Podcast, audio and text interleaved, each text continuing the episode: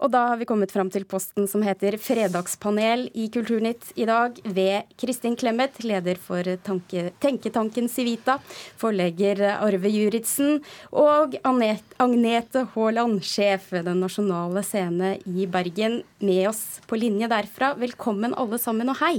hei. Tusen takk, god morgen, god morgen. Vi begynner med rapporten som kom denne uka. Én av fem nordmenn mener at mediene underrapporterer viktige saker. Det viser en undersøkelse som Norstat har gjort for NRK. Og spørsmålet vårt blir da ganske enkelt. Er dere en av dem? Kristin? Ja. Absolutt ja. Og hva med deg, Agnete? Absolutt ja. Oi! Nå må dere forklare. Vi begynner med Kristin. Uh, ja, det er mulig at vi bruker litt uh, ulike eksempler. Men jeg syns, for å ta ett eksempel, at uh, mediene, og spesielt f.eks. denne institusjonen her, som er veldig viktig, underrapporterer og belyser i for liten grad næringslivets rolle i samfunnet. Næringslivets betydning for velferd og velstand. Hvis vi ser på NRK, da, så er det en veldig bred dekning av politikk. Veldig bred dekning av kulturliv, som vi er jo kulturradio nå. Og det er en enormt bred dekning av sport. Men næringsliv blir på en måte ikke dekket før det blir politikk. Eh, før det f.eks. er i kontroll- og konstitusjonskomiteen, eller, eller, før det blir utsatt for kritikk. Så dekningen av alminnelig næringsliv, hva skjer i næringslivet, det mener jeg er et klart underbelyst tema i norsk presse, og særlig NRK. Jeg syns det mest oppsiktsvekkende med denne undersøkelsen er jo faktisk at fire av fem er fornøyd. De syns at dekningen er bra. Det syns jeg er sensasjonelt. Og da tenker jeg, hva i alle dager er de opptatt av? Det må jo være fotball og Donald Trump. Eh, og at fire av fem syns at det holder, det tenker jeg er ganske sensasjonelt. Men hva tenker du at blir underrapportert, da? Hvilke saker er det du jeg synes Først og fremst så har norske medier dessverre blitt innmari kjedelig, for det er så likt. Eh, det er motorveien man henter nyheter fra, og så er det ikke tid eller ressurser til å gå ned i de små veiene, stiene, de andre stedene og finne de spesielle og interessante historiene. Det syns jeg er en trist utvikling av. Eh, heldigvis noen unntak. Noen medier er fortsatt flinke til å fortelle andre historier, men mangfoldet syns jeg mangler.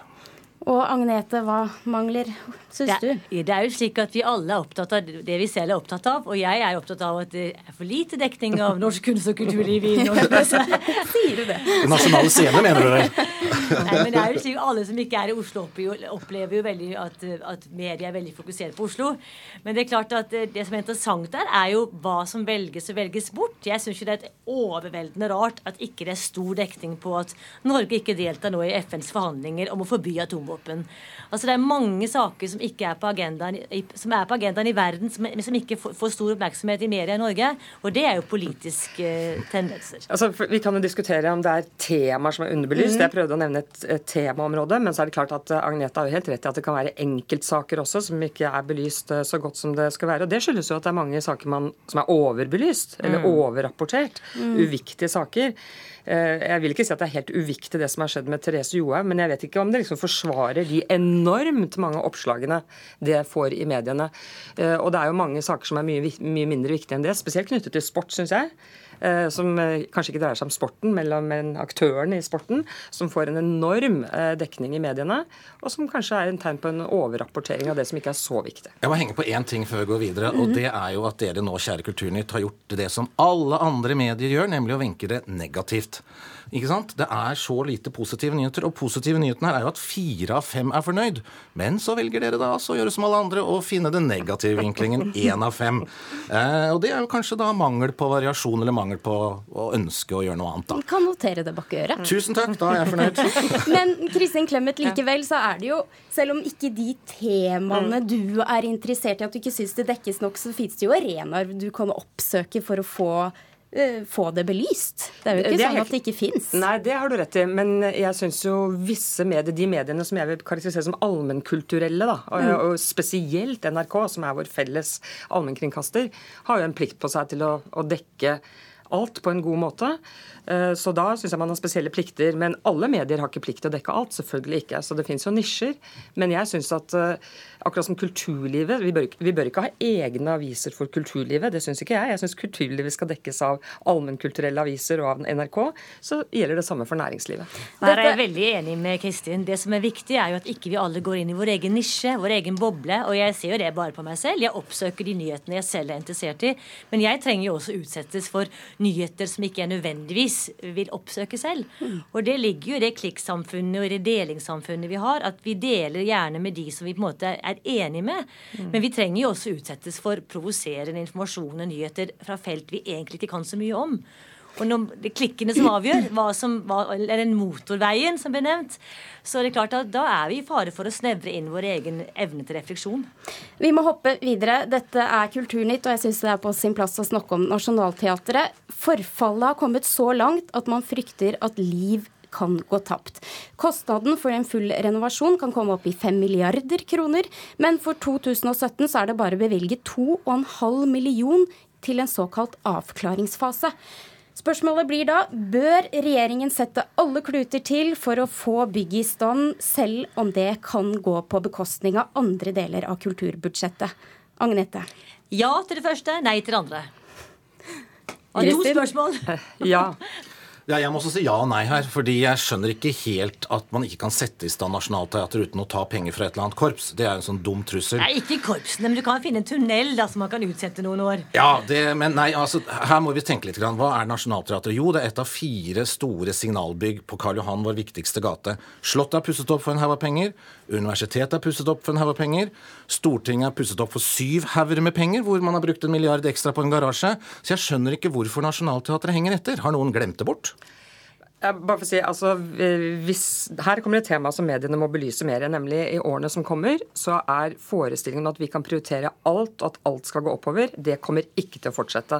Den gullalderen Norge har vært igjennom, både for nasjonen som helhet og for offentlig sektor, den er i ferd med å legge bak oss. Så det er helt klart at hvis man skal prioritere noe veldig opp, så må man i fremtiden prioritere noe, mindre, noe mer ned. Men det som er interessant her, det er litt systemet rundt. Hvorfor forfaller offentlige bygg? Ofte. Hvorfor er det ikke vedlikeholder man ikke? Og her tror jeg man må se på et par ting. For det første så er det veldig få politikere som blir valgt fordi de er flinke på vedlikehold. Altså det er liksom ikke, det er liksom ikke så populært. Det burde vi belyse mer i mediene. At det er faktisk ganske heroisk av politikere å prioritere å vedlikeholde bygg. Det andre er at vi er nødt til å lage mekanismer som gjør at det lønner seg å vedlikeholde. Jeg skal gi et eksempel fra en annen sektor. Skolebygg har også forfalt i Norge. Og til slutt så var det så mange forfalte skolebygg at det ble for noen år tilbake ble innført en ordning hvor man kunne få penger fra staten hvis det hadde forfalt tilstrekkelig mye. Og Den ordningen var laget sånn at det lønte seg å la skolebygg forfalle. Enhver rasjonell rådmann ville la skolebyggene forfalle. Til slutt ville staten komme med ekstra penger. Så man må lage ordninger som belønner de som er flinke til å vedlikeholde. Så, så... Jeg er frista nå til å begynne å karakterisere politikerne her. Altså, Du legger fram et ganske trist bilde av dine tidligere kolleger, for det er jo dumskap. Nei, men det er jo noe med at det er gøyere å åpne et nytt bygg enn å ta vare på det gammelt. Altså, ja, det og så er det noe med at det er Jeg er veldig enig i at vedlikehold er viktig, men som på Nasjonale Scene i Bergen har vi akkurat samme utfordring. Vi er totalt ufunksjonelle, og vi er lekk, og vi har masse utfordringer, selv om vi bruker mye midler av egne driftspenger til vedlikehold. Men det er jo noe med det nasjonale ansvaret. Skal vi ha nasjonale kulturbygg, så må vi faktisk passe på de vi har har, og faktisk gjøre dem også funksjonelle. Særlig Nationaltheatret i Oslo og i Nasjonalscenen i Bergen må jo være så sterke hus og så flotte hus at det virkelig blir kunstneriske fyrtårn også for fremtiden. Ikke bare museum som vi pusser på for å være litt stolte av innimellom, men at det er det kraftsenteret som det skal være. Da er det i hvert fall sagt. Jeg må kile inn siste spørsmål òg, for det har jeg lovet. Tatoveringsstudioer har de seks siste åra økt kraftig, og likevel så har ikke tatoveringsyrket noe formell utdanning i Norge som inneholder kunnskap om f.eks. blodsmitte og hygiene. Nå etterspør norske tatoverere tatoverer fagbrev. Bør det være et fagbør for å kunne være tatovør, Arve? Altså, Ja, hvis vi må ha tatovører, så får det være et fagbrev. Men vi kan kanskje begrense det. Her kjente jeg plutselig at jeg ble litt sånn politiker. Vi begrenser det, tror jeg vi skal si. Tja. Tja. Nei. Nei. Nei. Nei. Altså, De som tatoverer andre mennesker, er jo kunstnere. La det heller bli en del av kunstfaglig utdannelse da, innenfor design og grafikk og visuell kunst. Slik at Hvis man velger å utøve sin kunst på en kropp, så vet man at man skal ha rene nåler og være varsom med blodsmitte og sikre at hygienen er godt ivaretatt. Så det er sikret godt nok sånn som det er i dag, rett og slett? Det høres ikke sånn ut, men eh, det er jo litt underlig om Norges norske stat skal lage en egen fagutdannelse for tatovører. Det, det, det, er godt å høre, men eh, vi må huske på det er lov for private å lage utdanninger også. Altså Alt må ikke gjøres av staten her i landet, så det går utmerket godt an for den bransjen hvis de vil eh, starte en privat skole hvor man utdanner seg til tatovør. Hvis det er det det heter. Ja, ja, så har ikke jeg hørt ordet. Hva heter det? Tatover? Nei, jeg vet ikke.